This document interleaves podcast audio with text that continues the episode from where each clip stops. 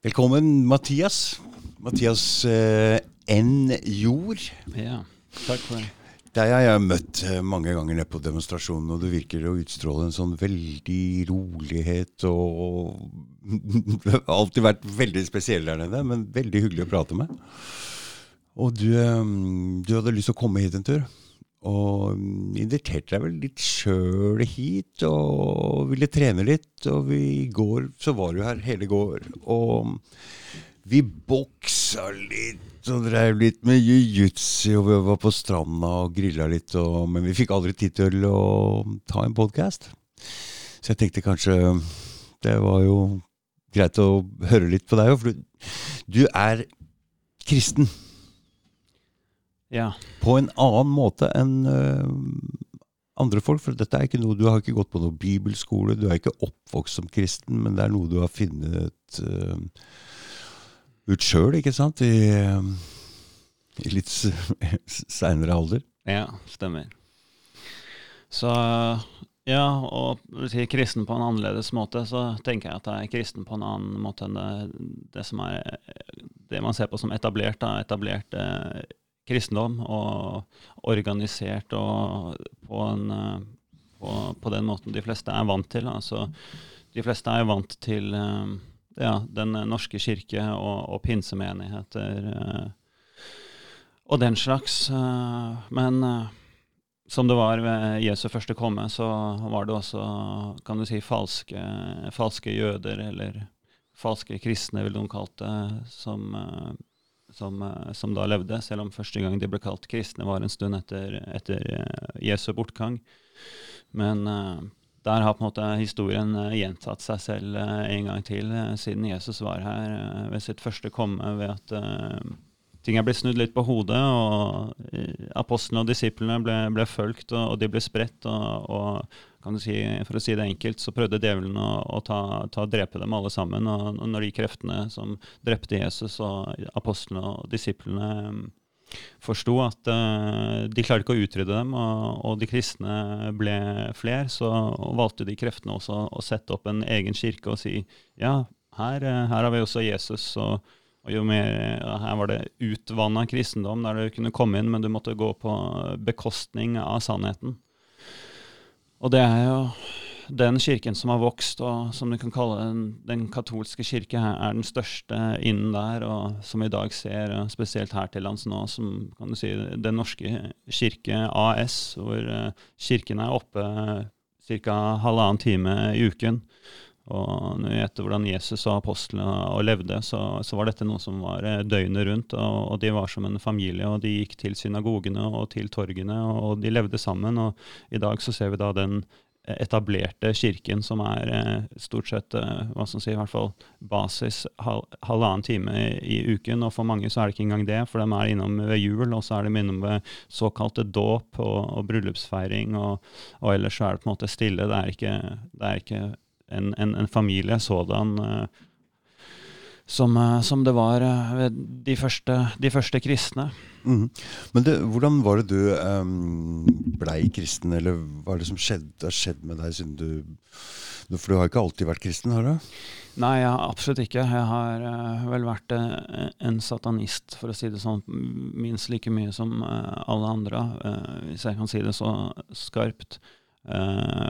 Og det vil si at eh, ja, drømmen var å, å, tjene masse penger og ha stort hus og flat bil og, og flat eh, TV. Og eh, ja, jeg likte å, å, å, trykke andre ned og, og, støte ut de som var litt annerledes og, og unormale, og, kjempte liksom for, for normaliteten, da, og, det å ja, trykke andre ned. og Istedenfor å kanskje ja, fokusere mer på, mer på, seg selv, kan du si. Og så var det vel noe som skjedde spesielt etter jeg var ferdig på universitetet i Australia, hvor jeg begynte en mer indre reise og se innover. Men da hadde jeg også på en måte sett uh, hvordan dette fungerte i business. og jeg studerte business som meg. Da får du liksom oversikt over alle de forskjellige delene innenfor eh, industri og økonomi og lovgivning og markedsføring og slik. Og så startet jeg også egne selskaper og, og gikk mye entreprenørskap. Og, og så hadde jeg et eh, seks måneders arbeid i, som daglig leder i en, en sånn undertøysforretning nede ved Gold Coast. Så da fikk jeg se det fra innsiden, også fra kontoret og fra en bedrift. og etter jeg valgte å gå ut av det, så begynte jeg å studere mer og mer eh, kan du si, eh, bl.a. hvordan banksystemet fungerer, og, og, og også legemiddelindustrien og, og disse, disse, armene som på en måte styrer, eh, styrer verden. Og jeg forsto bl.a. at banksystemet låner ut penger de ikke har, og, og krever renter og, og setter, setter, folk i gjeld. og Det var jo samme måten jeg var i Australia og studerte på. så var jo var jo ved låne, Lånekassen. Men for det med banksystemet, det, er, eh, det tok litt lang tid før jeg eh, fatta hvordan det fungerte. Men altså når, de, når, du låner 100 000, altså i hvert fall i USA, så trykker de opp 100 000 nye, men, mens rentene blir aldri trykt opp. Og i og med at det er måten penger kommer inn i samfunnet på, så vil jo, vil jo gjelda hele tida være større enn de pengene som er i omløp. Og da kan det egentlig bare fungere via nye lån. Og de øyeblikket lån At folk ikke tar lenger lån, så vil hele, hele pyramidespillet på en måte uh, stoppe opp. Og siden alle lån blir tatt uh, egentlig via huslån. De aller fleste lån uh, er jo på hus og um, verdier i hus. Og når leilighetsprisene er så høye som de er nå, og når renta er eh, så å si nede på null, så er vel den eh, Det løpet der kjørt, på en måte, nå?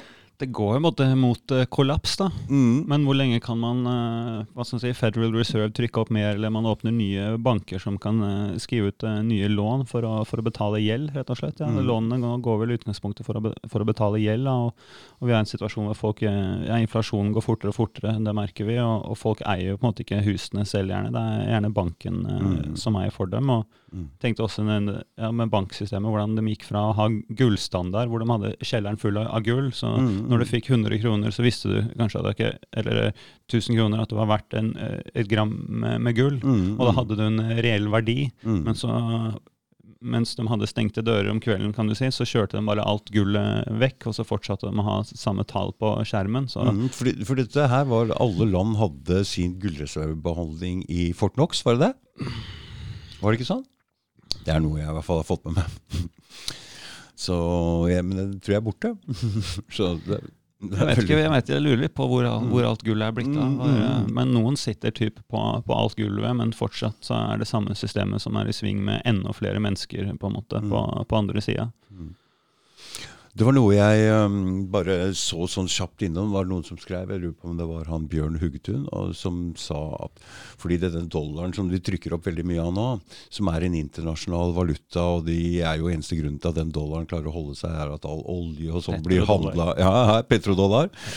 Og øh, jeg fikk høre at noe av den aggresjonen som er mot Russland nå, er egentlig for at de har hoppa av den dollarhandelen. På grunn av ja, alle de restriksjonene som har vært mot eh, både Russland og spesielt Russland. Da. Og Kina har gjort det samme. Og Kina, og Kina har gjort det samme. Så da ligger jo den dollaren litt i et Så det er noen økonomiske forandringer som er på, i sikte. Ja, og tenk deg for en avtale. Hva, jeg skal si, man kan se hvor urettferdig det er. Da, at all dollar som, eller all olje mener jeg, som er i omløp og blir kjøpt og solgt, skal, dollar, ja, skal bli vekkelse om til dollar. Mm. mm. Hva? Nei, jeg skjønte ikke, for du vet øh, Oljeprisen sank jo her. Og så, så men bensinprisen i Norge var like dyr, så jeg skjønte ikke hva som skjer her. Og så bare Nei, vi for det, for det norske krona sank også, og vi må handle dette her i dollar. Jeg tenkte hvorfor må vi handle vår egen, vår egen olje i dollar når det er vår egen? Men det syns jeg er veldig Hvorfor må Norge handle sin egen olje i dollar? Det, det, det, det, det syns jeg er veldig merkelig, men eh, ok. Så det er mye rart man ikke veit.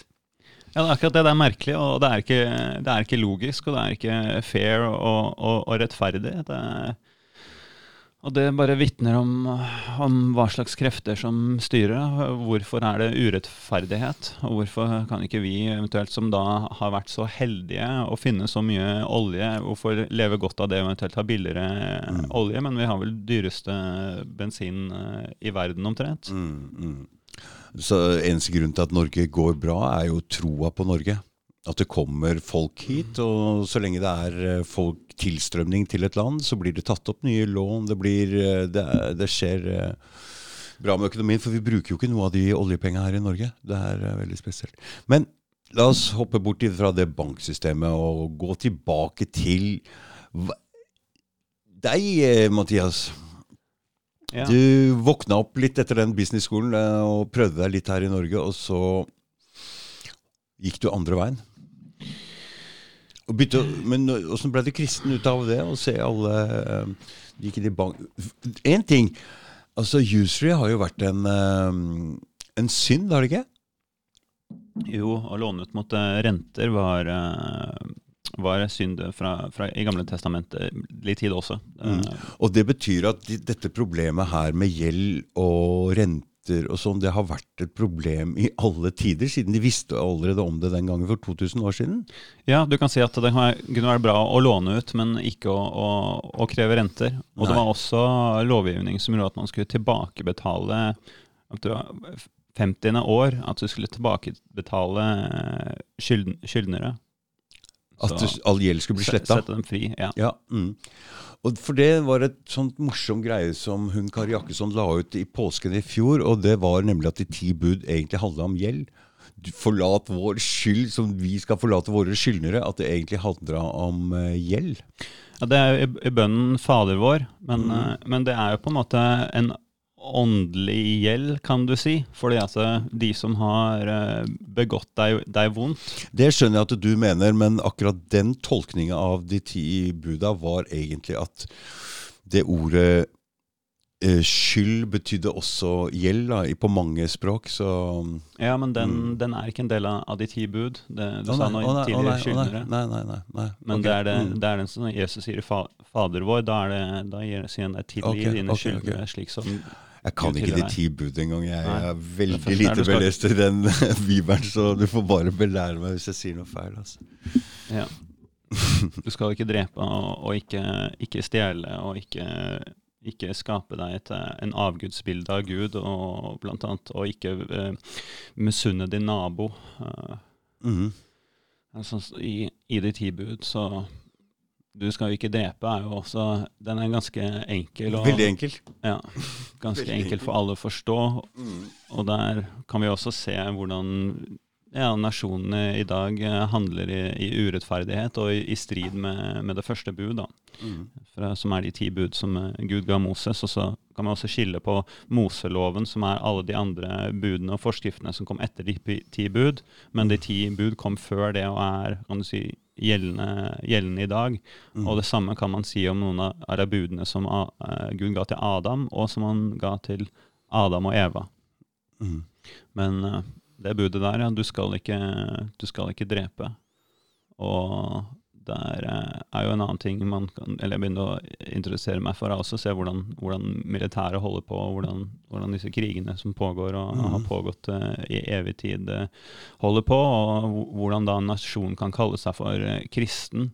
Og så drive med drap er jo også bare helt hinsides og egentlig blasfemisk. Mm. Det går imot det første budet Mhm. Av de ti bud. Ikke det første budet til Adam. Det første budet til Adam var å dyrke jorden og ta vare på den.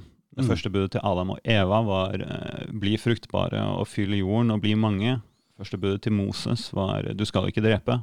Oh ja, så det, det er forskjellige bud her. Ja, og så sier, spør Jesus hva, hva er det, Hvorfor heter er det det? bud, forresten? Bud er jo han sier forskrifter eller forslag. da. Mm. Du bør. Så sier Ja, ja. til din sønn eh, du, du bør eh, ja, du bør bli fruktbar og, og bli mange, og du Mm. bør ikke drepe. Mm. Det er på en måte sånn uh, og man skri, Det er ofte skrevet med 'du må', men mm. jeg vet ikke om det var skrevet med det opprinnelig. For at det, Gud vet, eller hva, si, hva, hva betyr egentlig må? For at ingen kan bestemme hva noen Nei, andre må. for, vi har blitt gitt fri vilje, ikke sant? Ja, eller, ja innenfor, innenfor, innenfor en viss grad. Man kan diskutere fri vilje, for at man velger ikke hvor man blir født, eller man velger ikke hva som skal skje til en, men samtidig så har man alltid vilje til hvordan man velger å reagere. Så jeg har vært litt dypt inne i det med fri vilje, for at det, på en måte så er det ikke helt, helt, helt fritt. er det jo ikke da. Nei, men man kan velge hvordan man kan reagere, eller velge, og velge i etterkant hvordan man vil se på en situasjon også. Ja. Det er også viktig. Så ja.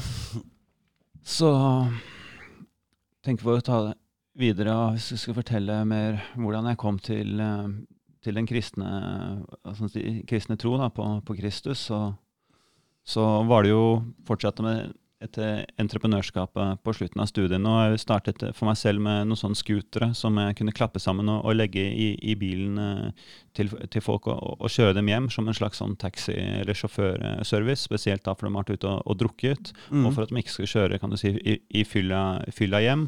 Og så kan det også være mer behagelig å bli kjørt hjem i sin egen ja, fine bil enn en med en annen taxi. ja. da. Du kjørte ut med en scooter som du kunne klappe sammen og putte bak i bilen deres? Ja, ja, ja, ja, ja. Mm.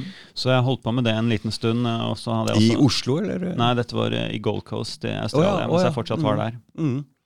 Så det fikk jeg, jeg fikk jo noen, noen kunder, og jeg fikk en samarbeidspartner som jeg jobba litt med. Men uh, ja, det, det dro seg ikke til sånn som jeg hadde håpet uh, og ønsket. Mm. Um, og i samme tid så kjørte, tok jeg taxi og kjørte taxi på side, for da kunne jeg ha det som en sånn side, sidejobb og på en måte smette til de andre jobbene i mellomtiden. For da kunne jeg velge hvor lenge jeg ville Jeg hadde taxien et halvt døgn. da.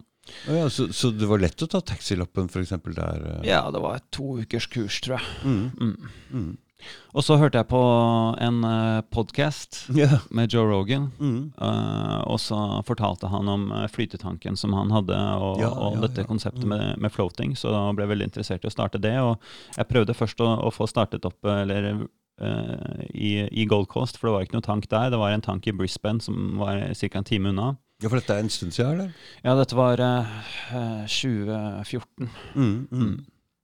Så, men jeg kjente at jeg skulle hjem til uh, Norge, så jeg planla å, å heller prøve å starte det opp når jeg kom hjem. Så jeg reiste hjem til uh, Norge i slutten av 2014, og så fikk jeg en uh, investor til å investere i selskapet. Og så fikk jeg kjøpt en tank og, og leid et lokale. Og først så tenkte jeg å ha et sted i Oslo, men det blei ja, i, i Dyrt. Drøbak.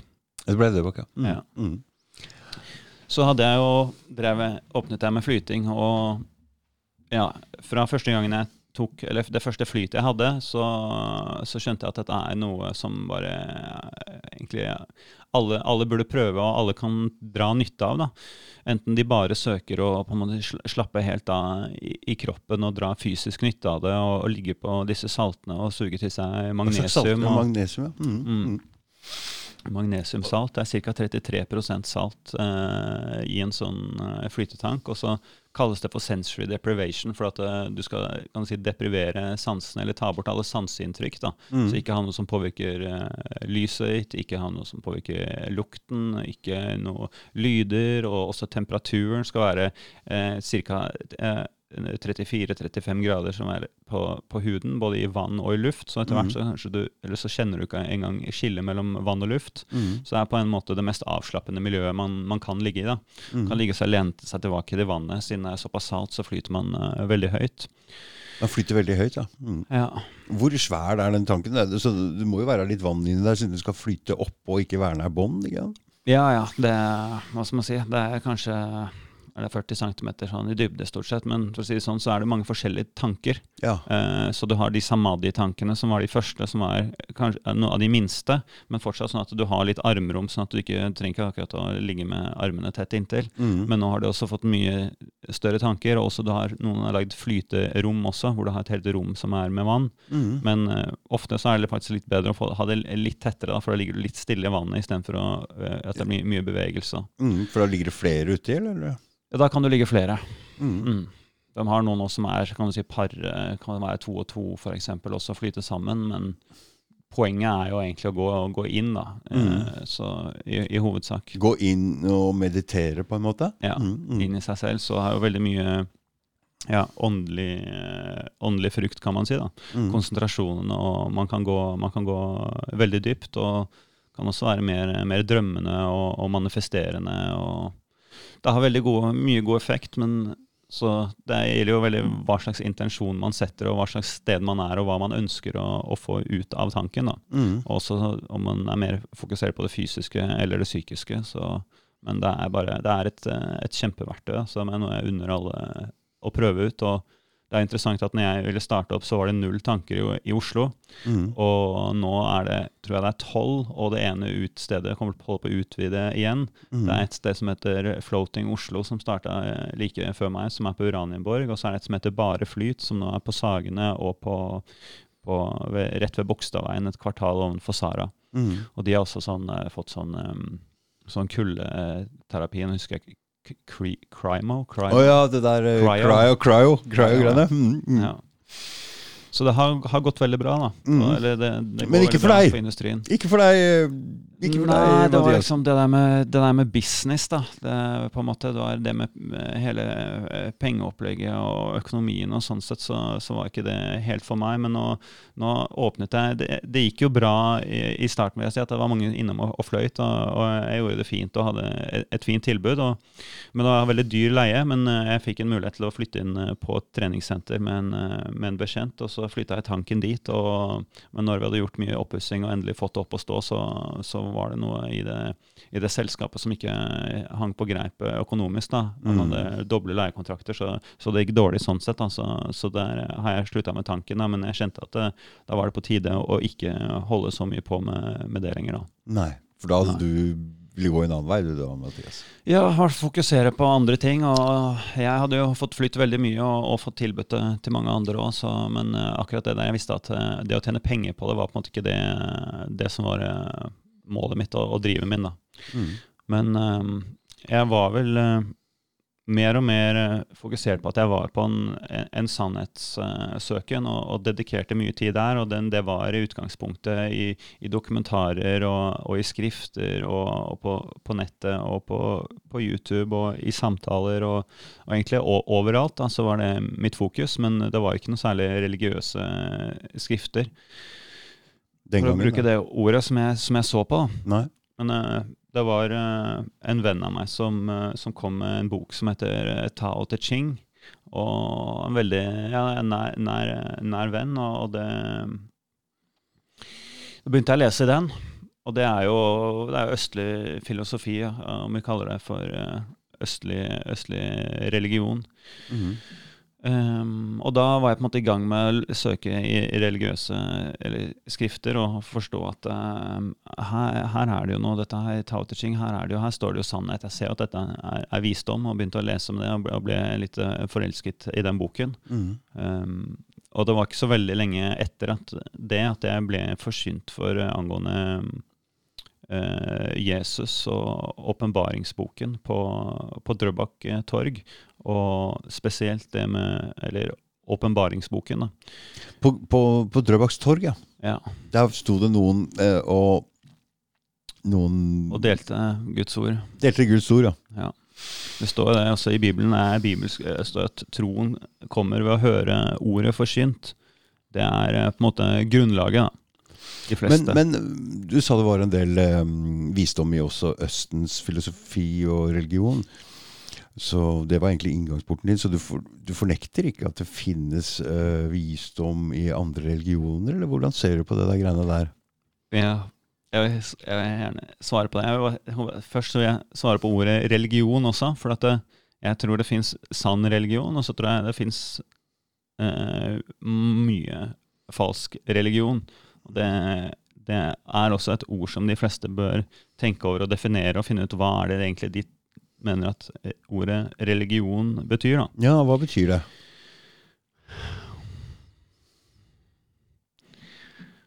Jeg mener at det betyr eh, troen på sannheten. Troen på sannheten, ja. Mm. At det er reelt, det som er eh, reelt, Mm. rett og slett. Det hørtes fint ut. Mm. Men like det som er reelt, det som er. Det som er sant, det er fint. Ja. Sant og godt.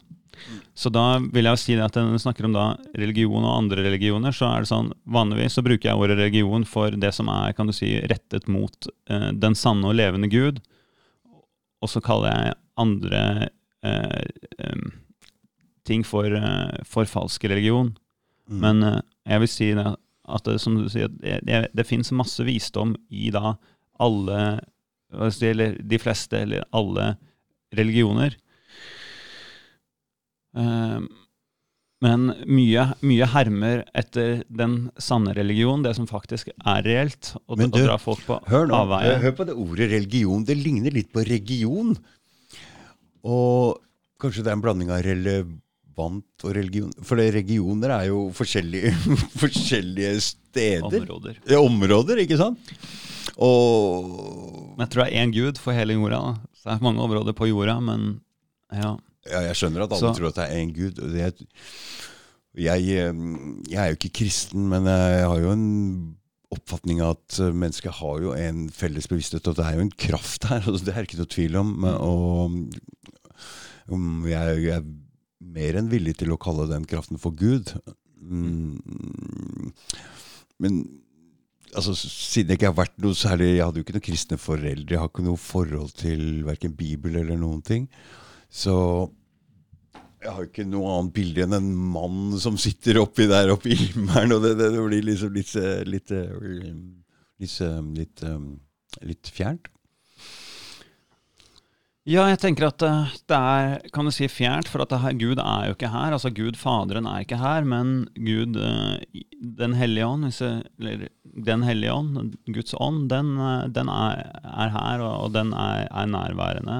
Og, og den er der for den som eh, tar imot. Og noen er mer kan du si, omfavnet av, av Den hellige ånd enn andre er. og hvis vi tar eksempelet ved Jesu første komme, at eh, han var ledet av ånden, han var omfavnet av ånden, men det står at han døpte seg, så ble han fylt med Den hellige ånd. Eh, og det vil jo på en måte si at man også da dytter ut an andre ting som var der, og det står også i skriftene at han, en dag skal han lære å forkaste det onde og, og velge det gode. Um, Jesus, mener du? ja. Og før, før det så var jo ikke han uh, misjonær sånn. da. Han levde jo et vanlig liv om han var, bygde hus med, med sin far og antageligvis eh, sine brødre også. Levde kan du si, for dette systemet som alle andre. Men eh, da så snudde han seg og var ute i ørkenen ødemarken og fastet i 40 dager. Og så hadde Den hellige ånd eh, klargjort han kan du si, for misjon, og da, da var det det som gjaldt. Og da møtte han eh, disiplene, så han fikk eh, noen ledsagere og venner og andre som også var klare for å ha lignende misjon for, for sannheten. Så Jesus fasta i 40 dager, men nå prata jeg med en eller annen på den demonstrasjonen som også hadde fasta i 40 dager, og det høres helt galskap ut. Men du har også gjort det, Mathias. Hæ? Jeg gjorde det i fjor. Men hvorfor Er det pga. det Jesus gjorde, at dere, dere velger det tallet 40, eller? Altså, For er- meg, altså, jeg som spiser så mye hver dag Jeg, jeg har ikke gått en eneste dag uten mat, men og ikke tror jeg det er noe sunt heller, men jeg hører jo folk prate Vi kunne gjerne spist som om kapp en dag. Jeg spiser eh, for mye. mm. Men, eh, men jeg gjorde det. Det- kan være både å faste og fiste, men, eh, men det er absolutt noe med tallet Fiste betyr det motsatt, eller? Ja. Mm. ja. Så 40 år i, i ødemarken uh, var det jo også. Så 40, 40 går igjen på mange måter, men om, om det Hvem var 40 år i ødemarken? Uh, Det var israelittene. Når de vandret ut av Egypt sammen med Moses, så var de 40 år i ødemarken før de gikk inn i sitt land. Men ikke i ørkenen. Ødemarken eller, eller ørkenen. Det var delvis Der- ørken òg. Der er det lite mat i 40 år, vel? Eller dårlig å bo der, vel? Ja, da, da gjelder det å ha litt trygghet eh, i faste. Og, da- Det var en skinnmager gjeng, som kom fra, de- fra ødemarken. De fikk, eh, de fikk brød og vaktler eh, fra himmelen, blant annet. Fra himmelen? I ørkenen så fikk de da både fugl, vaktelkjøtt og, og, og brød fra, fra himmelen. De gikk og, og samlet det sammen på, på, fra, fra bakken. Så Brød? hadde- ja. Manna. Manna fra himmelen. Manna, ja. Ja. Gud kan gjøre det, det utrolige. Så det var ikke flydropp eh, Det var ikke chemtrails, det var, eh, det var godt brød. brød fra himmelen. Ja. Ja. Så det 40 Ja, mm. Det var Det- rart. Det var, eh, det var sterkt, det 40 dager, men jeg kom inn på faste før jeg kom til tro på, på Kristus. Ja, du kom inn i faste før du ble kristen. Ja, jeg startet å faste før, før jeg trodde at Og du Jesus sier ikke kristen du sier tro på Kristus. Jo, kristen, men Kristen, jeg bare mm. poengterer det at det er det, som er, det er det som er kjernen, og på klippen hele kristendommen er bygd. At man tror at Jesus er Kristus.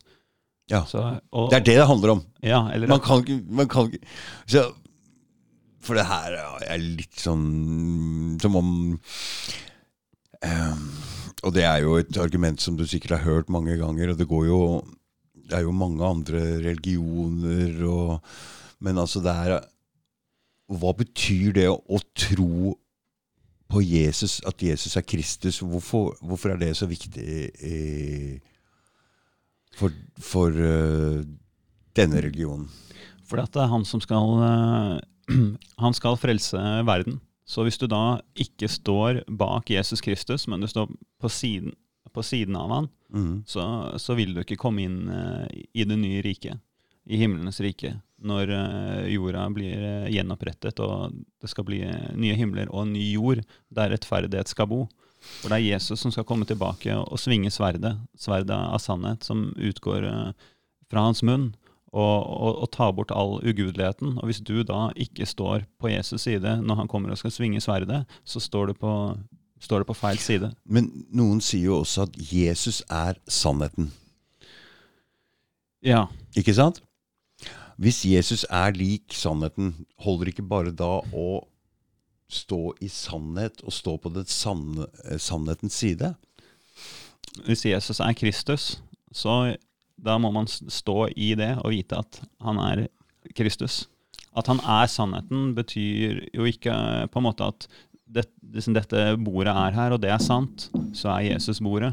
Mm, nei, men hvis vi sier at Jesus sier 'stå i sannhet', og hvis Ja. man hele tiden For det er ikke alltid lett å stå i sannhet. Det er eh, i det daglige livet. Man holder igjen litt, du syns litt synd på folk. Du, så det, det, det krever å stå i For det er jo noen ting som er sant, som man bare i dagliglivet som vi holder igjen litt. Vi beskytter noen. Det er sånn små hvite løgner her og Men så egentlig eh, så skaper all løgn friksjon eh, mellom mennesker. Fordi Um, for det er noe som er usagt, det er noe som, og det skaper alt fra friksjon til uvennskap, til fiendskap, til krig. Mm. Så hvis folk mer si, møtes og sier sannheten til hverandre, så blir den friksjonen borte. Mm. Derfor jeg tror det er veldig viktig å stå i sannhet øh, sånn sett. Men hva er det du mener med at skal, skal Jesus han skal komme igjen, han? Ja. Er det var, det er det som er poenget her. Og det er, Det er det er da, det er da valget blir tatt. For det kan ikke være det nå. Det kan jo være for seint Det kan være for til det han kommer, da, at man allerede har uh, satt seg fast i gjørma, kan du si, eller ikke, ikke tatt imot han, og at eh, han, han kommer eh, brått. da. Pluts, mm. Plutselig er han, er han tilbake igjen. Mm. Mm. Og hva er det som skal skje da, egentlig? Han skal sette opp det nye riket. Han skal sette opp eh, det rettferdige riket på jorden. altså Det skal være et, et tusenårsrike, eh, Mhm. som blir kan du si, den syvende, som den syvende dagen i menneskets eh, historie. Og jeg sier dagen, for at det, samme måte som skapelsesberetningen, så sier man dager. Og så står det også i, i teksten at eh, for Gud er eh, en dag som tusen år. Mm. Så at det skal bli et tusenårsrike, men som en, som en hviledag for, eh, for mennesket. For at eh, djevelen skal eh, kastes i fengsel, og Jesus skal regjere. Så det vil være fred og harmoni og orden på jorda. Det er dette alle kristne går og venter på, eller? Alle kristne, eller, eller såkalte kristne, men ja, desidert alle kristne, de, de, de venter på det. Men eh, det står også arbeid med, med iver om å, å for, Mens det ennå er, er arbeid å gjøre, kan du si. For at da er på en måte arbeidet gjort. Da Da vil det være arbeid med å, med å bygge opp byer og, og bygge opp landet og matdistribusjon og kleslaging og alt som mennesker trenger, men ikke arbeid som i dag. Nei, men så, så dere tror egentlig alt er på vei til å gå til helvete Eller Alt er på vei til å rakne se, og så skal Jesus komme. For, fortell meg den eh, historien der, hva dere egentlig forventer om det greiene her. Ja, når Jesus kommer med, med sverdet, så går det som Med sverdet, ja. Ja, sverdet er tungens sverd. Det står sverdet utgår eh, fra hans munn. Så jeg kan gjerne lese fire-fem Hva er det du driver og vers tar fram der? Er det, er det Bibel? Det er den, den lille, lille boken, kan vi kalle det. Er det Bibel? Ja, det er Nytestamentet. Mm. Kun Nytestamentet. Så den lille boken. Men for det, det er jo åpenbaringsboken som jeg ble forsynt for og gjorde at jeg kom til tro, og det er den som er kanskje mest undertrykt i Den norske kirke AS og de fleste andre kirker òg. Okay. Eh, og det er på mange måter den kraftigste boken, og den er fra Jesus selv, som gir, gir ned eh, gjennom et syn, eller Gud i i Jesus gir den til et syn til Johannes når han er på, på øyen Patmos. Johannes som var Jesus nærmeste apostel. ok. Um, og her, der står det om fullendelsen av, av verket, og Jesu, da Jesu komme når han kommer for å sette opp riket. Mm. Og det var dette som gjør at, på en måte, at jeg ikke hadde trodd på kristendom tidligere. Så det, var jo, det var jo For en gang så var, for det første så var det kjedelig å, å være i, i kirken, Mm. men det var ikke noe Det, det, det, Det fenger ikke. make sense. Det var, er ikke noe, noe god ånd. Det er, eh, det er rett og slett veldig ugudelig, og man man kaller det en Satans synagoge eller Satans kirke, for det, det er, er en falsk kirke. Og jeg hadde aldri hørt der om at Jesus skulle komme tilbake igjen og sette opp det rettferdige og evige riket. Det jeg hadde hørt, var at han døde for 2000 år siden, og nå skal enten folk til helvete eller himmelen. Mm. Og det doesn't make sense at man bare skal til himmelen eller helvete, og, og hvor at Jesus er kan du si, ferdig i misjonen. Det, det, det, var bare, det er bare halve, halve historien, ikke, mm. ikke det engang. Så, så når jeg forsto uh, mer det at jo, vi, skal leve på, på jorda og sette opp uh, det nye riket her, så, så falt det som sammenfattelse med alt annet som jeg hadde blitt overbevist om tidligere var, var sannhet, da når jeg hadde søkt andre kilder enn en religiøse skrifter. Mm. Ehm, så jeg vil bare lese noen uh, vers når det står om akkurat det, når Jesus skal komme tilbake og sette sine føtter på, på Armageddon, sletten av Armageddon, og, og sette opp uh, Men det, det nye riket. Armageddon, det er sånn derre Det er da alt det, det ordet betyr jo Det er navnet på en slette Det er navnet på en slette, utenfor ja. Jerusalem, men, oh, ja. der, men det er der slaget skal stå. Det er der slaget skal stå, ja. Ja. Og det er det de driver og planlegger der nede nå. Det er det som nærmer seg. Mm, det er det som nærmer seg, ja. Ja. Mm. Der står det Og jeg så himmelen åpnet, og se, en hvit hest, og han som sitter på den, heter trofast og sannferdig, og han dømmer og strider med rettferdighet. Hans øyne er som en ildslue, på hans hode er det mange kroner. Han har en innskrift med et navn som ingen kjenner uten ham selv. Han er iført en kledning som er dyppet i blod, og hans navn er Guds ord. Hærene i himmelen fulgte ham på hvite hester, kledd i fint lin, hvitt og rent. Ut av hans munn går et skarpt sverd, for at han med det skal slå hedningefolkene, og han skal styre dem med jernstav. På sin kledning og på sin hofte har han et navn skrevet, Kongers konge og herrers herre. Ja. Det Ja. Og det betyr Og fra der så skal de som ikke har, har tatt imot han, eller eventuelt vil ta imot han, hvis de fortsatt har en sjanse uh, til det når de står der Det uh, skal ikke jeg si at det ikke går. Uh, de vil bli, bli feid av gårde og, og dø. Og, og djevelen som har på en måte stått bak det hele opprøret mot Gud og, og, og Jesus, skal bli, bli kastet i fengsel. Og fra der, fra Ar Armageddon i, i Jerusalem, så kommer Jesus til å sette opp da det nye, nye tusenårsriket. Og da vil all ond ånd eh, som er på jorda, være, være, være borte, og Jesus vil på en måte få gjøre det i, i fred. da. Mm. Og det står også at da skal folk leve i, i i hele tusenårsriket. da. Man går tilbake igjen til hvordan det var eh, litt etter syndefallet. Så gikk man til døden, men fortsatt så levde jo Adam levde i, i 930 år, står det. Altså fra tiden fra Adam til Noah så var det vanlig å leve i underkant av 1000 år. Så da går vi tilbake til det i tusenårsriket til 1000 år. Og så etter tusenårsriket er satt opp, så skal eh, Gud komme ned eh, fra himmelen, for det, da er det rent. Og da, så, da, skal djevelen også ødelegges. Han skal ha sitt siste opprør på slutten av tusenårsriket. Men da skal han ikke fengsles på slutten av det, men han skal ødelegges og, og kastes i, i ildsjøen. Og så skal Gud komme ned, og da skal det nye Jerusalem komme ned, som er gjort i stand fra, fra Gud, fra himmelen. Og da skal livets tre eh, vokse på begge sider av elven. Og da skal mennesket få lov til å spise av livets tre, som de ikke fikk spise av etter Adam og Eva falt, eller eh, spiste av kunnskapens tre og ble kastet ut av hagen. Så skal mennesket da, som er verdige, få spise av livets tre, og igjen gå tilbake til og arve evig liv. Evig liv? Det er ikke plass til alle, Mathias. Gud Hvis alle skal ha evig liv, og vi skal formere oss, og hvordan skal vi få plass til alle folka her nede? Det går ikke.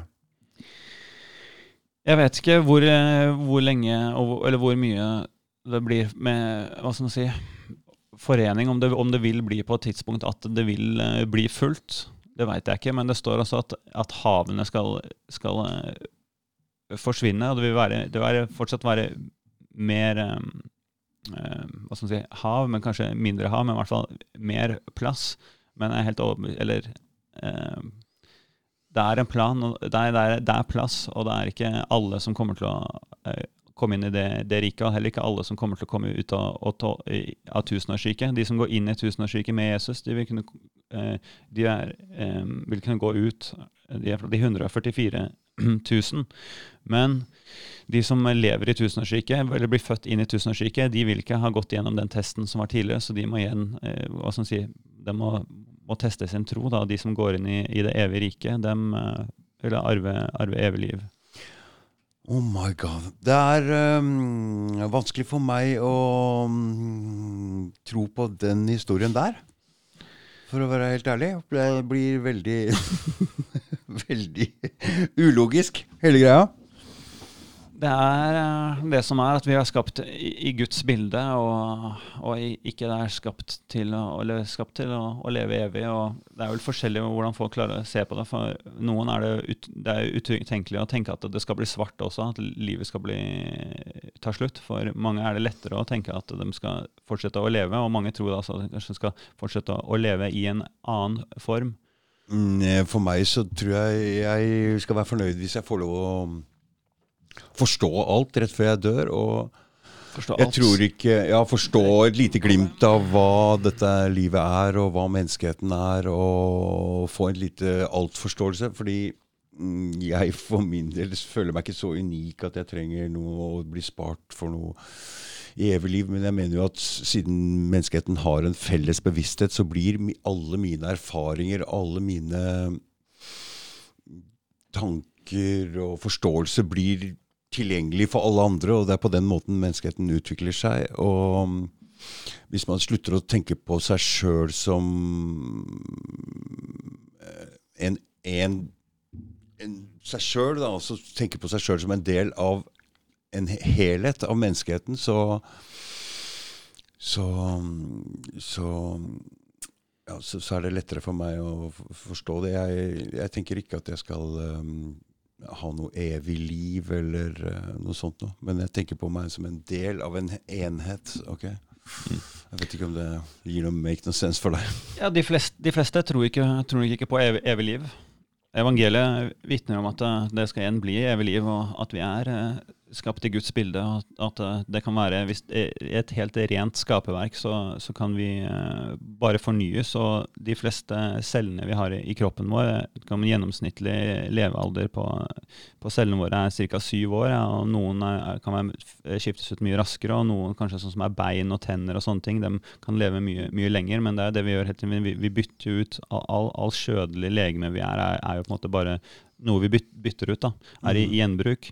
Så, så lenge det ikke er noe om det, synd i systemet og noe elendighet, så, så vil det bare opprettholdes og fornyes. Men tror du virkelig at alle mennesker, eller mennesker som lever her nå i dag For det, hvis vi ser på litt bakover på generasjonene, så ser vi jo en utvikling, en voldsom utvikling eh, blant mennesker. Altså vi hvis de sier at vi bruker ca. 10% av hjernen vår, og altså vi har mye å fylle ut her.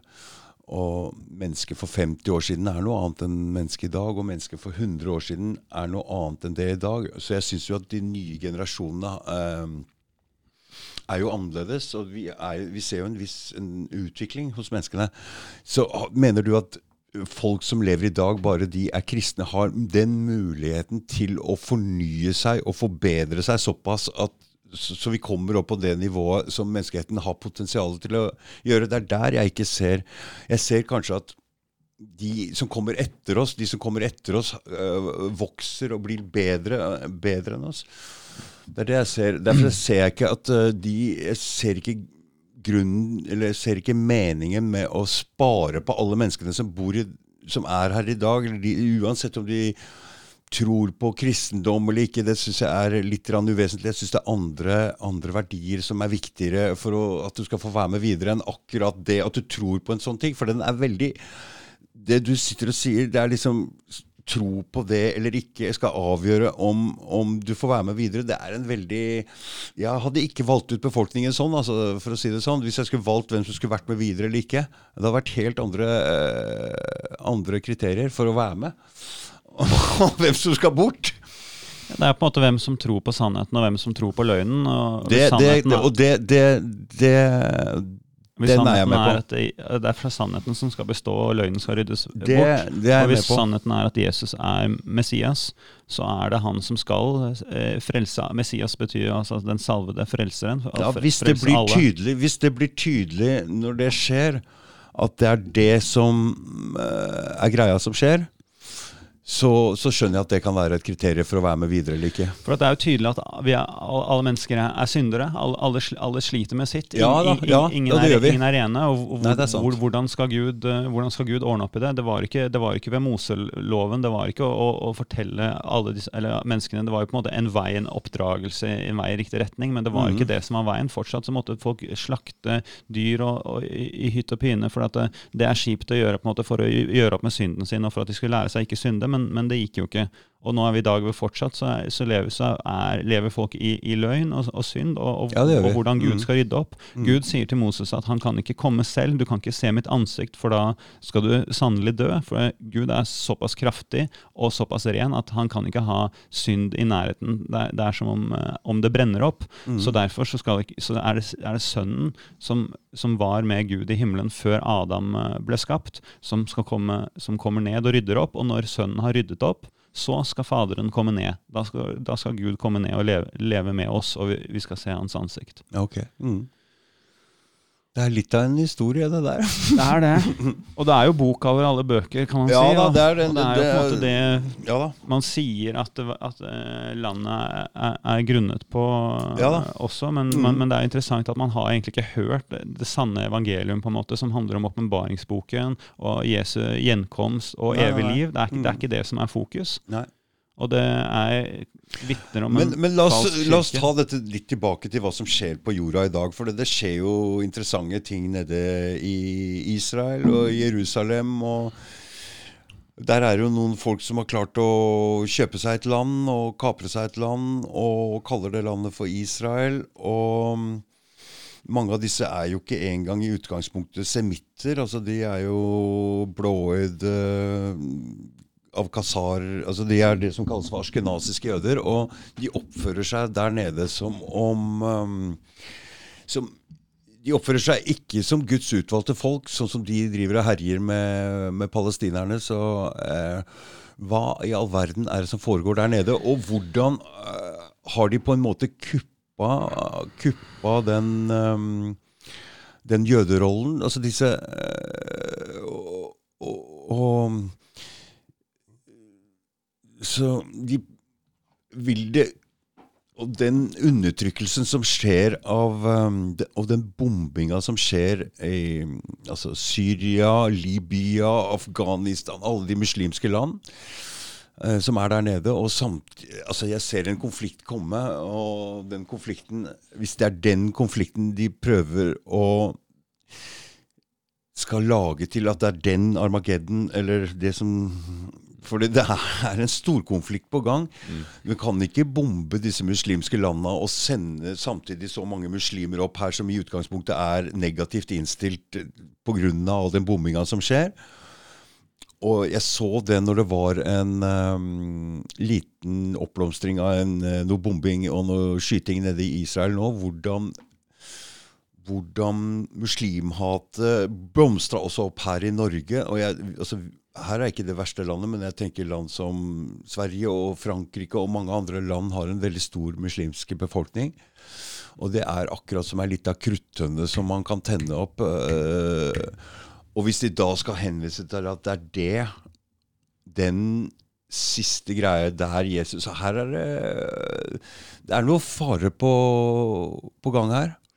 Um, er det dette som er konflikten som det står om i Bibelen, eller er dette en lagd konflikt som de prøver å framstille som det som det advares Eller som det profeteres om, eller spås om eh, i Bibelen?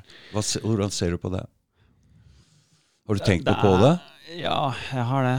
Det er på en måte Ser du den, at det kan bli en stor konflikt mellom uh, muslimer mot uh, Kall det kristne, da, eller, og jøder. Uh, at det er en muligheten for en stor konflikt der? Ja, og det er på en måte det, er den lagd? Det er på en måte der, der, der, det skjer. Fortsatt er det som er samlingsarenaen. Midt, Midtøsten, midt, mm. midtpunktet. Mm. Uh, og de drar jo den konflikten inn i Europa med at det har kommet så mange innvandrere. Og den innvandringa har jo på en måte kommet mye pga. den bombinga som har foregått der nede, og den krigen som er totalt altså jeg, jeg, fatter ikke hva de driver med. Skal inn og lage demokrati i Irak. De, altså det som foregår, er helt utafor min rekkevidde av forståelse. Bortsett fra at jeg ser at det er med på å lage en konflikt som de antageligvis uh, vil fremprovosere her. Jeg skal gjøre mitt ytterste for å prøve å stanse det. Altså jeg, eh, jeg,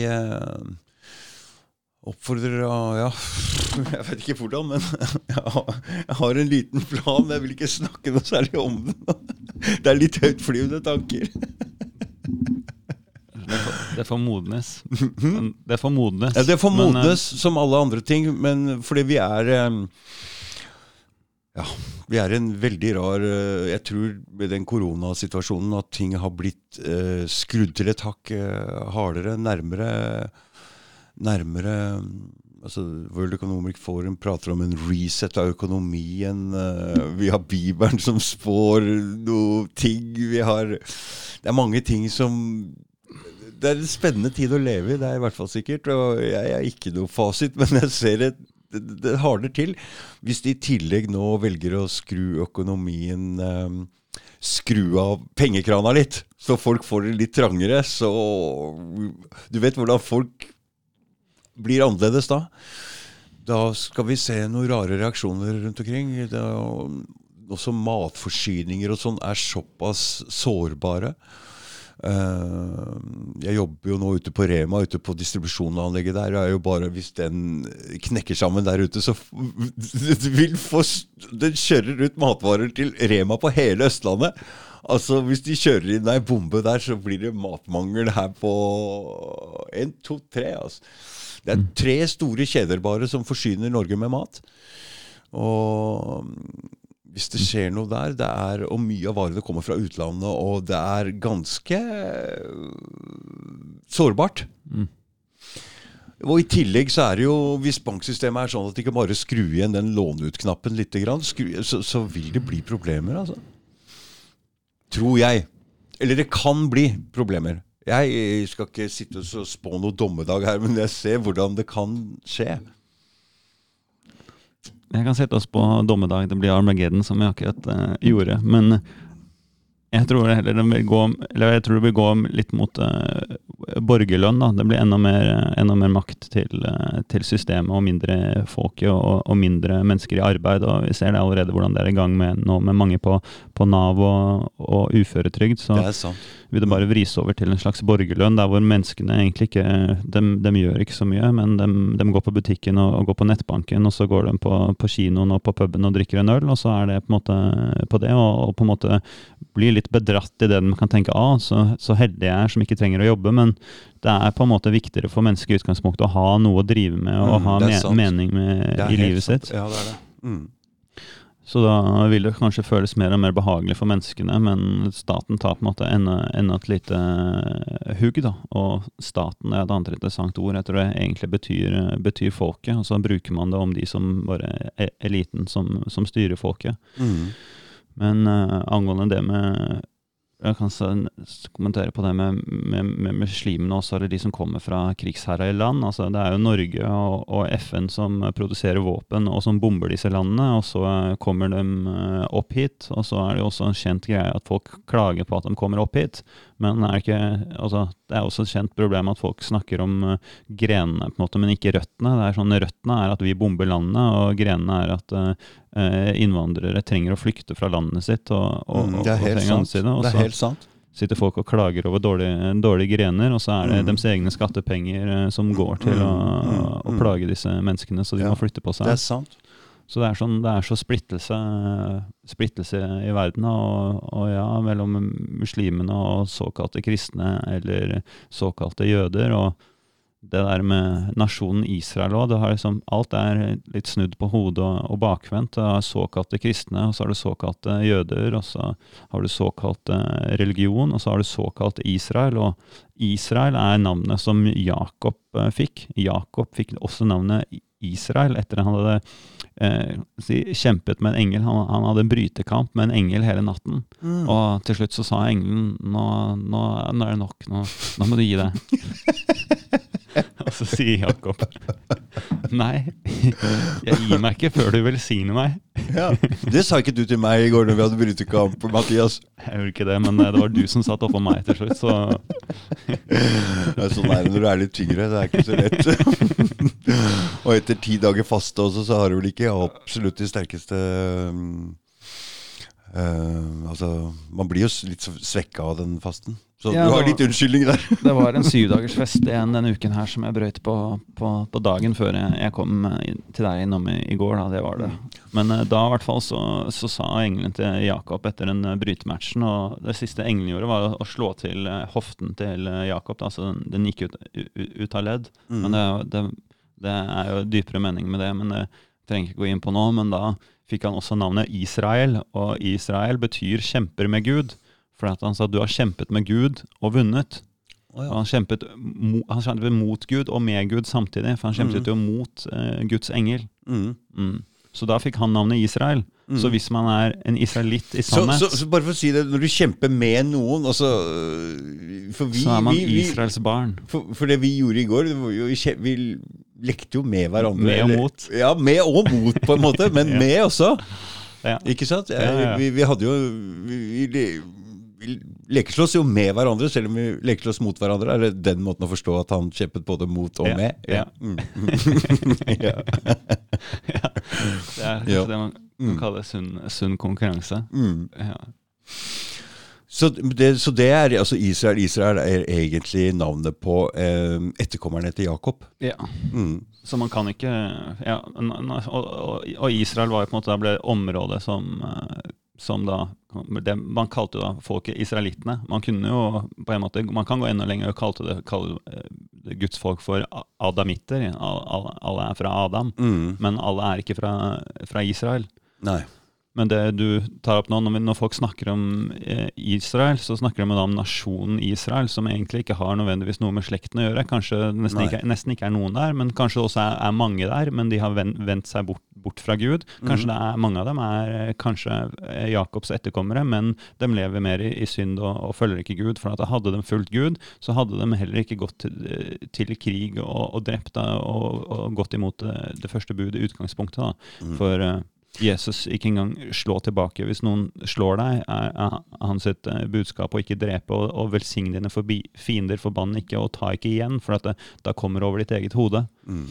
For det er vel ikke noe tvil om at disse jødene har stor makt. Eh, disse såkalte jødene, eller jødene, eller hva, hva vi skal kalle dem. De har, vi kaller dem var det sionister jeg fikk beskjed om å kalle dem. Eh, så For ikke bruke det betente ordet, eller navnet, på noen. Så eh, det er ikke noe tvil om at de har stor makt både i USA og um, med Anti-Defamation League, og de har store uh, grupperinger der og ganske stor kontroll over USA.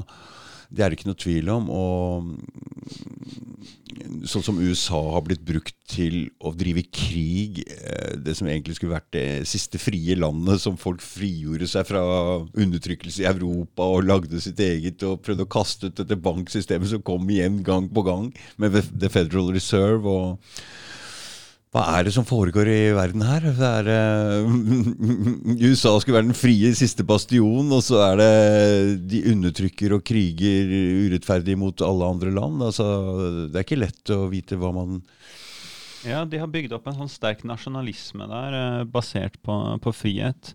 Og så tenker jeg på det også på en måte Washington DC, som på en måte er en separert uh, stat. Det er vel ja og det er på en måte Jeg ser på det litt som uh, For der har vi London City også, og Vatikanet. Der har vi tre stater inni landet som, som er, er uavhengige. Uavhengig, ikke sant? Mm. Ja. Det, det, her er ikke mye snakk om i, i, annet enn at hvis du leiter litt på internett.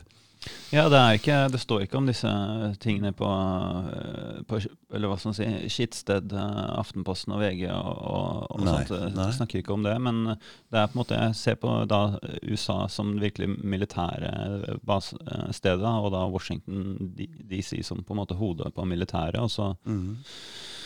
Også London, økonomien, Financial District og City of, City of London. Og så er Vatikanet det religion, religiøse hovedsetet. Ja. Du, du, som er litt bevandra innen eh, religion, og spesielt kristendom.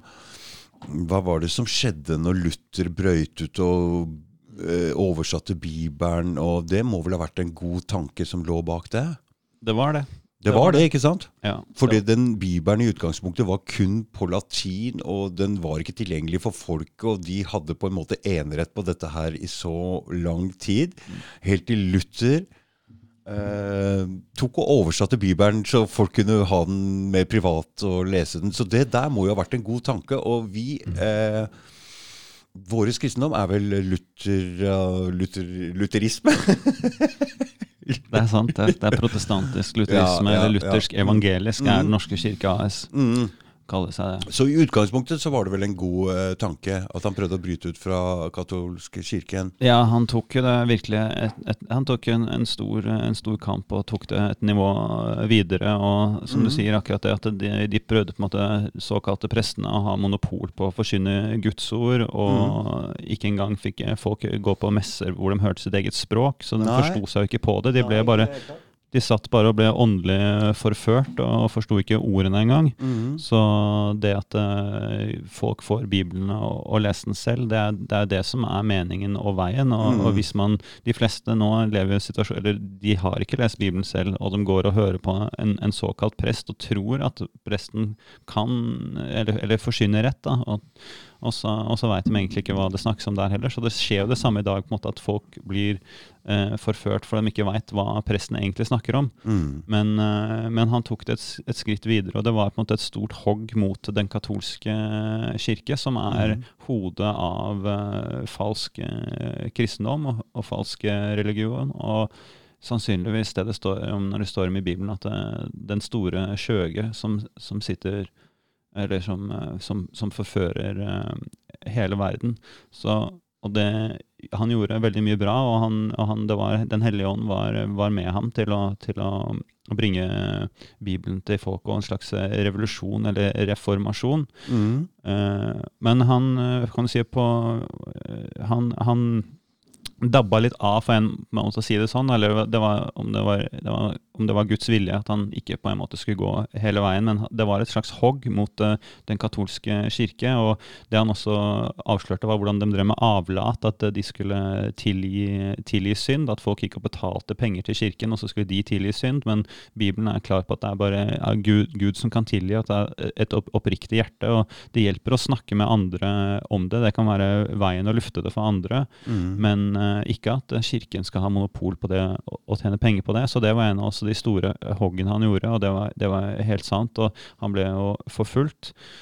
Men eh, det han ikke eh, eh, gikk inn på, var jo Eller kan du si utgangspunktet dåpen. Han, han, ville ikke stille seg, han tok ikke og stilte seg opp mot den katolske kirken når det gjaldt dåpen. For uh, Jesus sier i, i, etter Skriften at uh, den som tror og, og blir døpt, uh, skal bli frelst. Og Jesus døpte seg selv, uh, trolig når han var ca. 30 år, ved hans første komme. Og da ble han fylt av Den hellige ånd. og der, ikke, der, der snakket ikke Luther Roma imot. Så, så, de fortsatte med barnedåp. Det er det du ikke helt er med på ikke sant, når det gjelder dåp? Ja, for jeg mener det er, det er noe av det verste av det verste. og for også du tar bort løftet om Den hellige ånd. Løftet om Den hellige ånd er, er gitt uh, ved, ved dåpen og blir fylt av Den hellige ånd. Man kommer, man kommer, til tro, men uh, også når man, når man, døper seg. Så det som vi leser om, om Jesus som hans første komme, så døpte han seg, og da ble han fylt av ånden. Og da startet misjonen. Det var da alt skjedde. Mm. Altså, hadde, man kan si at hadde han ikke døpt seg, så hadde han heller ikke fastet, så hadde han heller ikke funnet disiplene, så hadde han heller ikke blitt blitt korsfestet. Du kan på en måte si det så enkelt. Mm. Og så mm. lever vi nå i en verden hvor såkalt kristendom og katolske kirke er, er hodet, og vi driver med noe som er, kalles barnedåp, mm. og som eh, de fleste tror er bra, men det er bare, bare, det er bare kultur, og det, er, det lurer mennesker så grovt, og folk lever hele livet sitt og tror de er døpt og tro på, på foreldra sine. Foreldra deres har sagt dem at de har døpt de er småbarn, mm. men så er det løgn. Og hvor vanskelig er det å komme ut av den løgnen som foreldrene dine har talt til deg hele livet, og som du, som du tror er reelt? For det, sannheten er at det er ikke en dåp. Og sannheten er også at ordet dåp kommer av ordet baptiso, og baptiso betyr neddykkelse. Og det, det, å gå ned i vann og komme ut av vann, det skal det symboliserer en ny, ny uh, fødsel og en renselse. Akkurat som når man går fra, fra uh, morsvannet til livet, så går man fra vann til liv. Og Jesus sier du kan ikke se himmelens rike hvis ikke du blir født på ny. Så det handler om å, å, å finne, finne troen på Kristus selv som en, en voksen person, altså en bevisst eh, person. Det står også at troen kommer ved å høre ordet forsynt, og det er ingen som forsyner ordet til, eh, til et, spe, spedbarn. Så først da kan du gjennomføre en dåp, hvis du tror at det er sant. Hvis du mm. tror at Jesus er eh, Messias. Da kan du gå ned i vannet og, og, bli født på ny og leve et liv kan du si, på en måte bak Jesus, med Jesus. og være kan du si, grunnfestet uh, i, i, det, og såkalt frelst. Mm. Har du døpt deg sjøl, har du blitt døpt, eller hvordan foregikk det? Ja, jeg... liksom, hvilke andre folk var det som var med på det, og hva slags samfunn, eller hva slags kristensamfunn, eller hva faen jeg skal si for noe? Hva er det, hva er det for noe som skjedde, Mathias? Fortell uh, hvordan det konkret skjedde, den uh, døpelsen din. Ja, gjerne. Dåpen din. Det er en fin historie. mm. Jeg uh, kom til tro i 2017, og så var det en dag sommeren 2019 at jeg og en, en, en venn og, og bror som Eh, skulle ta turen til eh, Venn og bror, da mener du ikke ekte bror, men du mener en Ja, åndelig bror. Åndelig bror. ja. Så ja, vi skulle ta turen inn til Kristiania Oslo, og så Kristiania Oslo, hæ? Ja. Du bruker det gamle navnet? Ja, jeg bruker ja. Ah, okay. Og, ja. og Christian, tenker jeg. Folk tenker ja, ja det kommer Christian. jo av en konge, men Christian betyr jo Kristen. Ja. Mm. Christian. Så til Kristiania by. Mm. Så reiste vi. Og så ja, Vanligvis så går jeg på Bjørvika, så går jeg bortover der og opp Karl Johan. Men jeg sa nei, i dag så skal vi Vi møtte også noen på bussen, de, og de skulle gå på bussterminalen. Så jeg, ok, da dragning eh, mot, mot, å gjøre det. Så ble det en litt annen rute. Og så gikk vi opp forbi um, den der kiosken som er midt i det store krysset oppe ved, ved Jernbanetorget. Mm. Og svingte til, til venstre, og, og der eh, står det en, en mann eh, og, og forsyner eh, litt om, om, om, Guds ord og utgangen av, av, Egypt, og når menneskene gikk gjennom eh, Rødehavet, eh, blant annet. Han står og prater Også, om det, bare? Ja, for det, det, var, det, var, flere der, men han har en uh, mikrofonkasse hengende rundt halsen og ned på brystet. Og så har han en, en, en mikk, da, så står han og snakker om det. Og jeg skjønte jo fort at det var, han, det var angående kristendommen, så jeg, mm. jeg var jo åpna ørene mine og var interessert. Og så sier spør uh, Emil, kompisen min, om jeg vil være med og kjøpe noe mat, for han skal inn og spise. Og så kjenner jeg at nei, jeg skal, jeg skal bare stå, bli stående her og høre, høre litt på han mm. mannen. Og så prata han, og så var det et par ting jeg, var liksom, jeg så annerledes på enn han. Jeg hadde ikke forståelse for, eh, for dåpen sånn sett da, da og, og, og, hvor stor betydningen var av den, selv om jeg hadde eh, vært troende et par år, og et par år vi hadde likt å lese, lese i, i, evangeliet, jeg trodde på evangeliet og Skriften. Mm. Så, så for den sa eh, annet at eh, blant, altså man, er, man, er, frelst da når man, når man døper seg, eller, og når man kommer til tro. Og så var en av tingene jeg på en måte var liksom ikke, eller litt uenig i, at man er ikke frelst før, eh, før, Jesus kommer tilbake og setter opp det nye riket. For frelst betyr jo egentlig altså det betyr jo reddet. Mm. Og det går jo an å, å, å, falle tilbake også. Det er også i Skriften at det går an å kan du si, bli, bli frelst, og, og, så faller man tilbake kan du si, og begynner å, å fornekte Gud eller gå andre veien. miste miste troen sin. Da. Så snakket vi litt om det, men han snakket bl.a. om hvordan eh, eh, når de gikk gjennom død, Rødehavet, at det var et symbol på dåpen. For at eh, de var ikke, israelittene var ikke frelst før de kom ut av vannet på andre siden. Det var da, mm. da de var reddet til å tenke deg å, å gå, gå midt, midt, igjennom. Da. Så det var én ting han snakket om. Og så snakket vi også videre om dåpen. Og og så var jeg ja, for så vidt egentlig klar for å Jeg var veldig interessert og, og begynte å skjønne det når han eh, forsynte andre skrift der også, som når du tror å bli døpt, så blir du frelst. Og så står det også mye om i det roverbrevet, det å begraves med Kristus eh, i dåpen, og så stå opp eh, til nytt, nytt liv. Så mm, det var godt å høre på han. Men uh, det jeg ikke visste da, det var at de hadde hatt et uh, møte kvelden før. Og han, uh, det er Jonny, døperen Jonny, Frank Jonny, som jeg, jeg, møtte på da. Og så hadde han også med en, en søster og venninne som hadde hatt Idet de hadde hatt møte kvelden før de skulle til Kristiania, så hadde hun sett, sett et syn av, av, av, meg. Det var ikke det var fra jeg var yngre, men det var at jeg satt i Oslo, og så at jeg satt aleine, og så satt jeg og spiste is. Og så var det en sånn uh, løveaktig uh, demon, eller åndsvesen, som satt og, og, slikket på meg og koste med meg mens, uh, mens, jeg satt og slikket på isen og spiste is. da.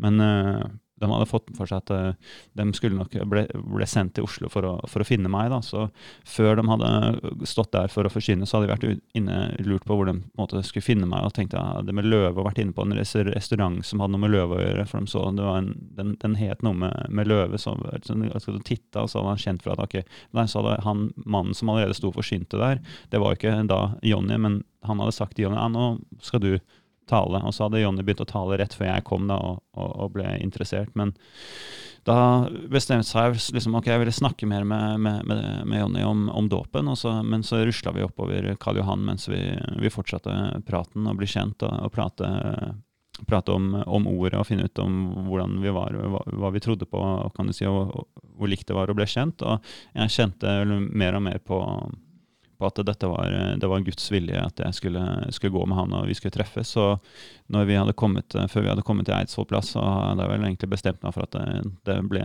kom til å bli en, en neddykkelse. Så. Det blei ikke Spikersuppa? Det blei Spikersuppa, ja. jeg tenkte på hvor er det vannet der nede? Så, så det ble Spikersuppa, ja? Ja, da ja. rusla vi over Eidsvoll plass, og så mot Spikersuppa, og, så, mm. og så hadde vi en uh, Så når folk spør deg hvor du er døpt, så er du døpt i Spikersuppa? Ja. Det er morsomt. Ja, veldig. Født i Oslo og, og født på ny i Oslo. Født, på, født i Kristiania og født på ny i Kristiania. Da Måtte du helt under, eller var det bare huet? Eller var Nei, jeg var helt, helt under, ja. Helt under, ja. Det er liksom, ja. det det var jeg, sommeren, jeg? Det var det. Sommeren 2019. Ja. Ja. ja, det var veldig bra vær det året, eller var, var kanskje ikke da? Jeg husker ikke. Det var en strålende dag. Mm, det var fint mm. vær. Mm, Det er bra. Ja. så da hadde vi en times sesjon, eh, eller om det var så lenge, vet jeg ikke, men en, en stund i hvert fall. Mm. eh, På forhånd, da, hvor vi gikk gjennom hva slags eh, synd jeg eventuelt sleit med og hadde lyst til å kvitte meg med. Mm. Og også hva, hvordan med tilgivelse, om Mm, hvem jeg Så det var intensjoner også bak med å kvitte seg med en del syndere og sånn før du går inn i dåpen, sånn at det blir mer reelt? Ja, ja. Ja, ja, ja. ja. Mm. Da skjønner jeg det at du ikke kan døpe et barn på den måten. Nei, og det er derfor sier Jesus sier du må bli født på ny. Mm. Og så sier jo han skriftlærde Nikodemus den gangen, men hvordan går det an? Jeg kan jo ikke krype inn i en kvinne igjen og bli født på ny. Han, altså, han skjønner ikke, og han har jo Skriften. Mm. På samme måte så har vi i dag hvordan prestene sitter på, på Skriften, men de skjønner, skjønner fortsatt ikke. De er såkalt skriftlærere, da, fariseiske. Men uh, da var det Mm. Fordi man skjønner ting hvis man blir oppvokst med dette her og sitter og pugger ting, så er det ikke så lett å få noe forståelse for det. Når man kommer inn i det seinere, så leser man med en annen interesse og en annen vilje til å forstå ting. Tror du ikke? Noen ting må man på en måte søke å, finne, ut av, finne ut av selv. Er Mm, ikke, Men hvis du er oppvokst med det, så er det ikke så lett å, lett å leite etter ny forståelse hos det du allerede har lest og kan pugga utenat. mm? Det er ofte man må gå inn med nye øyne for å se feil. Eh, Altså Hvis du er oppvokst der, så ser du ikke feila. mm. Ikke sant? Kan nye, sånn. nye øyne ser, eh, ser ofte feil lettere. Mm. Så det var, det var mange å tilgi. Det var mange å tilgi! Eh, Ja, det var det. Å ja. Eller si, mange, mange. Det var i hvert fall, det var i hvert fall flere da, som jeg tenkte på, på en måte med, med mer tilgivelse. Mange man, man bærer nag til. Det, for meg var det ja, blant annet, eh, blant annet min, eh, min, min far, min kjødelige far. og Mhm. ja, flere, altså, mange som har, mange som har, har gjort en, en vondt uh, og feil. All, alle har forstått, ingen, ingen vandrer jo helt rett og gjør noen andre Mm, bare rett. Så vi har alle for så vidt mange, mange tidligere, tilgi. Ikke at det var noe sånn spesielt eh, drastisk som kom på i første omgang, men det Men som jeg syns var det, men, men, men vanskeligst, var å tilgi meg selv. Når han sa også, 'tilgi deg selv', da har jeg bare Oi! Det var, da kjente jeg at det var en større, større kule å, Mm. å, å kjenne på det. da. Så Tilgi deg selv for ting du har gjort, eller hva, hva tenker du? det, det var vel mest tilgi meg selv for ting jeg har gjort mot meg selv, men bare Det, det var eh, Ja, altså Tilgi meg selv for, eh, for ting jeg har gjort som jeg har følt nødvendigvis ikke har vært riktig, men gjort det ja, likevel. Da, like, ikke visst bedre, kan du si. Det var, det var en del som trengte å, å, å tilgi der, da. Mm. Mm. Så det er også noe, noe å tenke på. Å tilgi seg sjæl, ja, for at man vet jo ja, det er, man, Jeg vet ikke hvor mange, mye folk angrer generelt, eh, men anger er ikke noe hyggelig ting. Men eh, det å, det å bli satt fri fra, fra det ikke sant? Så jeg kan kan ikke bare fokusere på eventuelt hvis noen, hvis noen andre har, har gjort en, noe vondt, og, å tilgi skyldnere, men også, også da tilgi seg selv. Og det kommer også inn på når Jesus sier 'elske de neste som deg selv', så er det også innbefastet å elske seg selv. Så ja, det hører sammen. Men det var en dag med det, eh, Spesielt etter dåpen så kjente jeg på en voldsom Det var en eh, lettelse og, og en frihet eh, og en tilgivelse. Og jeg ble helt klart eh, fylt eh, av, av Den hellige ånd eh, og har blitt eh, ledet mer og mer eh, siden da til å ja, få åpenbaring og, og, og gjøre rett og, og ja, være velsignet, rett og slett. Det er en, eh, en, eh, en vei å gå og og en, eh, mye prøvelser. Mhm. Men eh, det gir eh, god frukt. Det gjør det. Mhm. Mm. Men- Halleluja. Men Halleluja. Halleluja. Er det noe bra å si det ordet? Det betyr eh, prise ja, prise Jehova, prise Gud. Så Mm. det blir liksom å si at eh, ta, takk Gud, eller ære Gud. Så jeg syns det er veldig bra. Det er en av de, de beste ordene etter, etter, etter mitt skjønn. Mm, mm. Og ja.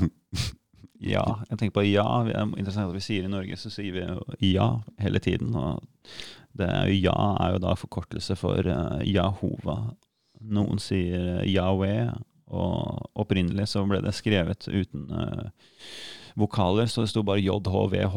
Så det er derfor det blir kanskje ekstra mye diskutert hvordan man uttaler også, kan du si. Men det betyr jo 'jeg er', den, altså Gud, den store jeg er. Så det som er uh, reelt, da. Så at alt kommer fra, fra Jehova. Mm. Mm. Du sa du i dag så skulle du møte med Maranata. og Hvilket kristensamfunn er det du identifiserer deg med mest? For det her er jo en hel haug med forskjellige varianter. Og hva er liksom forskjellen på disse her? Hæ? Ja, det er uh, De som, de som døpte deg, f.eks. Hvilken, uh, hvilken uh, gren kom de, kom de fra? ja, kan, Skal, skal, vi skal kalle det det? Ja, jeg kan gi deg det. Det, det men det er um, Det var um, en gren av de mest, mer aktive kristne som jeg veit om, og som, hvert fall som er organisert uh, i sånn forstand, og som er en organisasjon. Det er uh, noe som heter The Last Reformation. Mm. Uh, det er startet opp av en, da- danske som heter Torben Søndergaard. Og det er startet opp fordi at han ser de svære hullene i, i den falske kirken. Mm. Og nå er ikke Nå har jo The Last Reformation har jo sitt som, som dem også sliter med organiseringsmessig, men jeg, på, mange måter, på mange måter så vil jeg si at det er den nærmeste, det er nærmeste organiserte kristendommen som ligner på apostlenes lære og, og sann kristendom.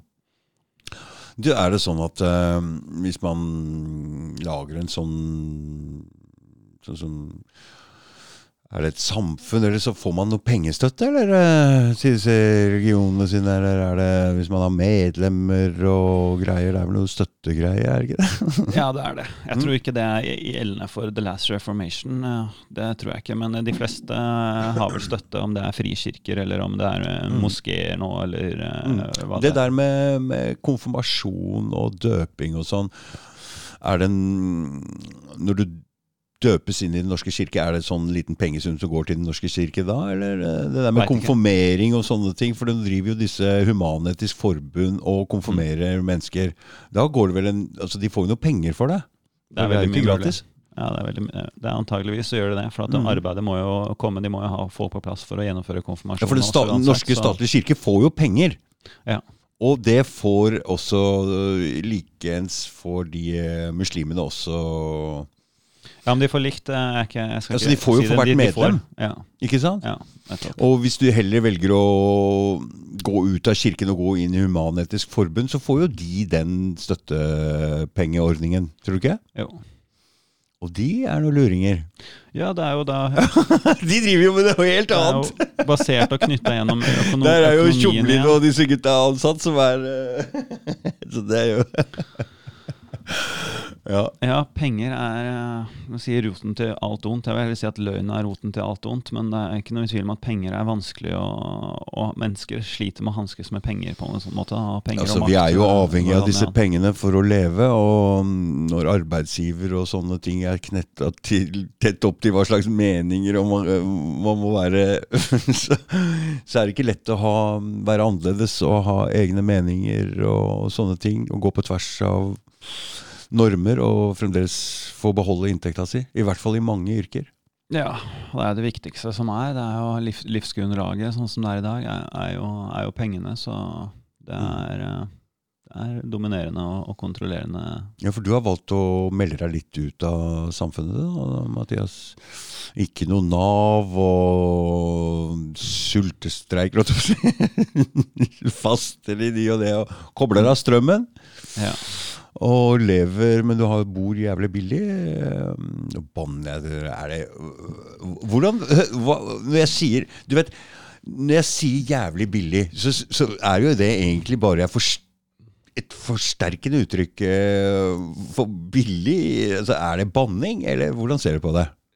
Jeg, jeg banna jeg tror det var i går, når du snakket om eh, jobben, så sa du Mm. den, den jævla jobben, og da bannet jeg. Men, eller jeg sa jævlig, da, men Mm. banne jeg, vet ikke det, djevelen og jævlig, så alt uh, djevelen har satt i gang, er jo, er jo jævlig. Mm. Så det er en, en tid for å, å, å, bruke det ordet, kan man si. Men mm. det blir vel ofte brukt som en ja, uting, kan man si. da. Mm. Det gjør det. Men det er ikke noe du reagerer veldig på? Altså, jeg, skal, jeg skal ikke på en måte Jeg, jo, jeg, jeg vil jo i utgangspunktet at folk skal være fri. da, Alltid være mm. fri. Jeg, mm. Men uh, det står jo også på en måte at Den hellige ånd uh, den, den, åpenbarer uh, synd, da, og, og også sier ifra og, og når, du, når, du, gjør noe galt, kan man si. da, så At, at Gud rettleder de som, de som er hans, eller vil at ja, man kan rettlede de som ikke, ikke vender seg mot han nå, for så vidt. Men så Ja, det, det kan være en tid uh, for å bruke det ordet. noen ting er jævlig. Ja, for noen ting er jævlig? Ja. Heldigvis er noen ting også herlig. Mm. Men det er noe med det å se, virkelig tørre og, og hvis man er på en slags sannhetsjakt, og virkelig se det, det jævligste, og også å se det herligste. Og jeg tenker, jo mer man leter også, så ser man også hvor, at det, blir bare bredere og bredere, og jo mer perspektiv eh, man har. Og så står det også om det i Skriften, og jeg eh, kan jo lære det ellers, at men det å klare å skille mellom, mellom rett og galt, og ondt og, og godt og, og sant og løgn, da, det er noe som er en eh, egenskap man burde, burde, trakte etter. Og da hjelper det med et godt perspektiv å virkelig se på det som er forferdelig, og, og også se på det som er godt. da, mm.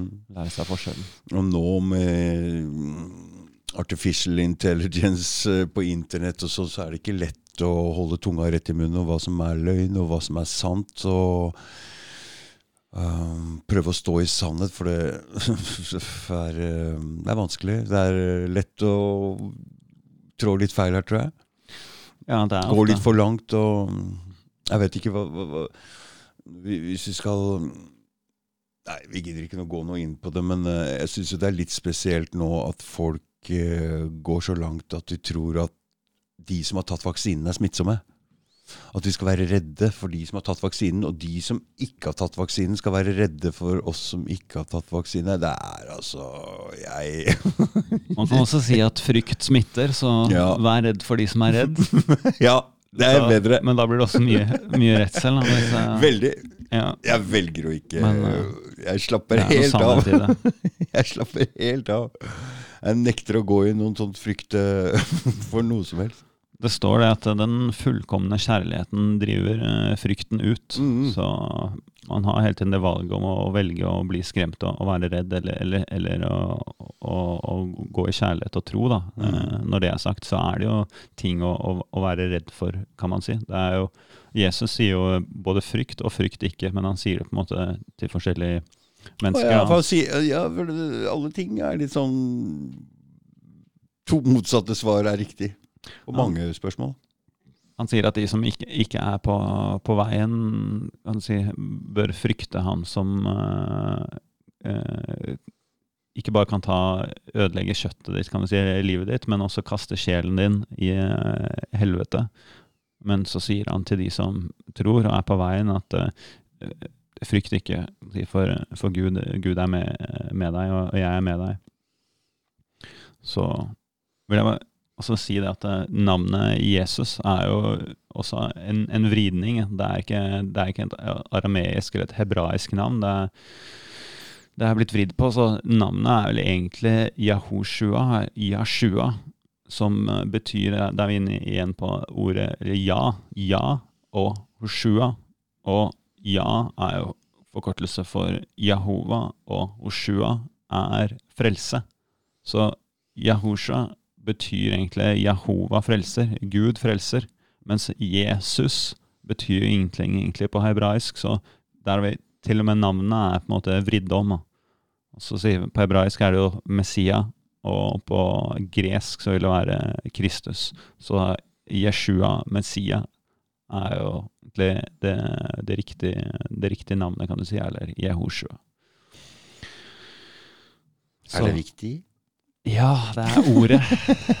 Ja, ordet. ord, ord er viktig. Jesus altså kaller det ordet. Men ordet er viktig, samme som religion. Det er veldig vanskelig å snakke om eh, religion om, om mennesker. eller Mange kan ha det problemet, for at folk har totalt oppfatning av hvordan de definerer ordet religion. og Jeg hadde en periode jeg måtte veldig, jeg gikk dypt i ordet religion også, måtte finne ut hvordan jeg definerte det. Og innen kristelige settinger òg, så de fleste, mange som kristne sier sånn ja, jeg er ikke religiøs. For de sier religiøsitet er det menneskeskapte, det dårlige, det fariseiske. Som sier at det er ikke eh, eh, religiøst. da, Hvordan jeg definerer ordet religion, er at jeg tror på religionens sann religion. Så jeg sier, jeg sier at jeg er religiøs. Så til og med der, da, så jeg kan jeg, og en som er, kan du si, har nesten samme like kjennskap til meg i Skriften og er kristen, han kan si at jeg, han er ikke religiøs, og jeg kan si at jeg er religiøs. For at vi definerer ordet helt forskjellig. Sånn er det med mange ord. Men Vi sitter og prater, så har vi helt forskjellig definisjon av mange ord og forstår egentlig ikke hva vi snakker om. ja, så det kan være viktig å definere ordet. og det er... Jeg Ja. skulle definert Ordet alle ord før vi begynte å snakke. Så vi visste akkurat hva vi mente. Ja, Mathias, er det noe mer du vil snakke om? Um, jeg tenkte på den når du snakket om eh, det eh, som skjer eh, i, i Israel, og mm. si, splittelsen kanskje mellom, eh, mellom jøder og, og, og, og, muslimene. Men eh,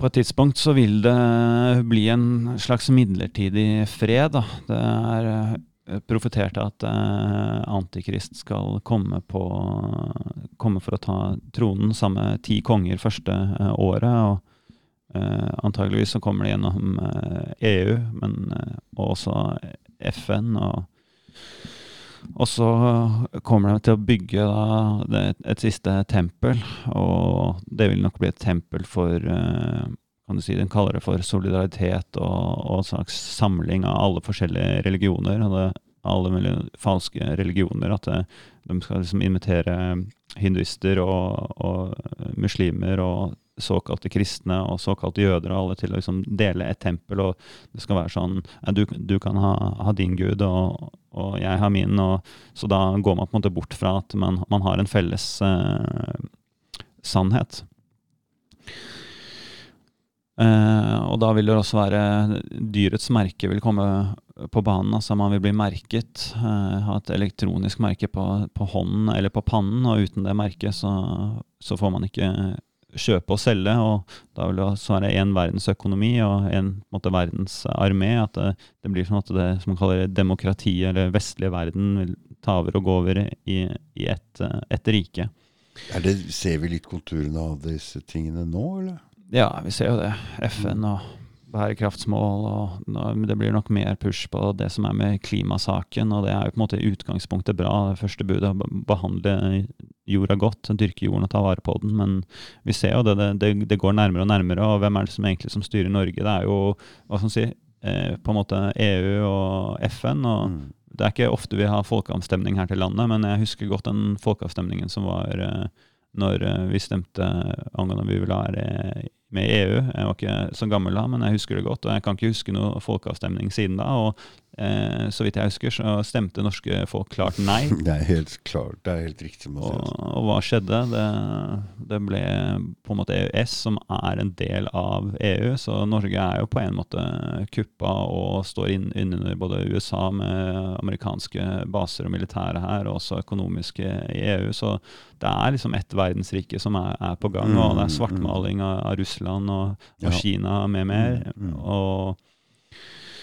det er det riket som blir et falskt falsk rike. Da, og En periode så kommer folk da til, også, til å si fred, fred og sikkerhet og, og juble når Antikrist har kommet seg på tronen. Men eh, det blir jo bare en, en kort tid til eh, kongenes konge og herres herre eh, Jeshua Messias kommer tilbake og, og setter opp sitt rike. Og da skal det være et Det der, rike. eh, nå holdt jeg på å banne igjen, men eh, dette her er jo Denne historien er jo veldig mange som går rundt sånn underbevisst og vet om. Som du er jo lest Bibelen veldig mye, så du, du kan jo dette. Men til og med jeg som ikke har um, har satt meg noe særlig inn i Bibelen, er jo en historie som vi omtrent har en lite snev en aning av.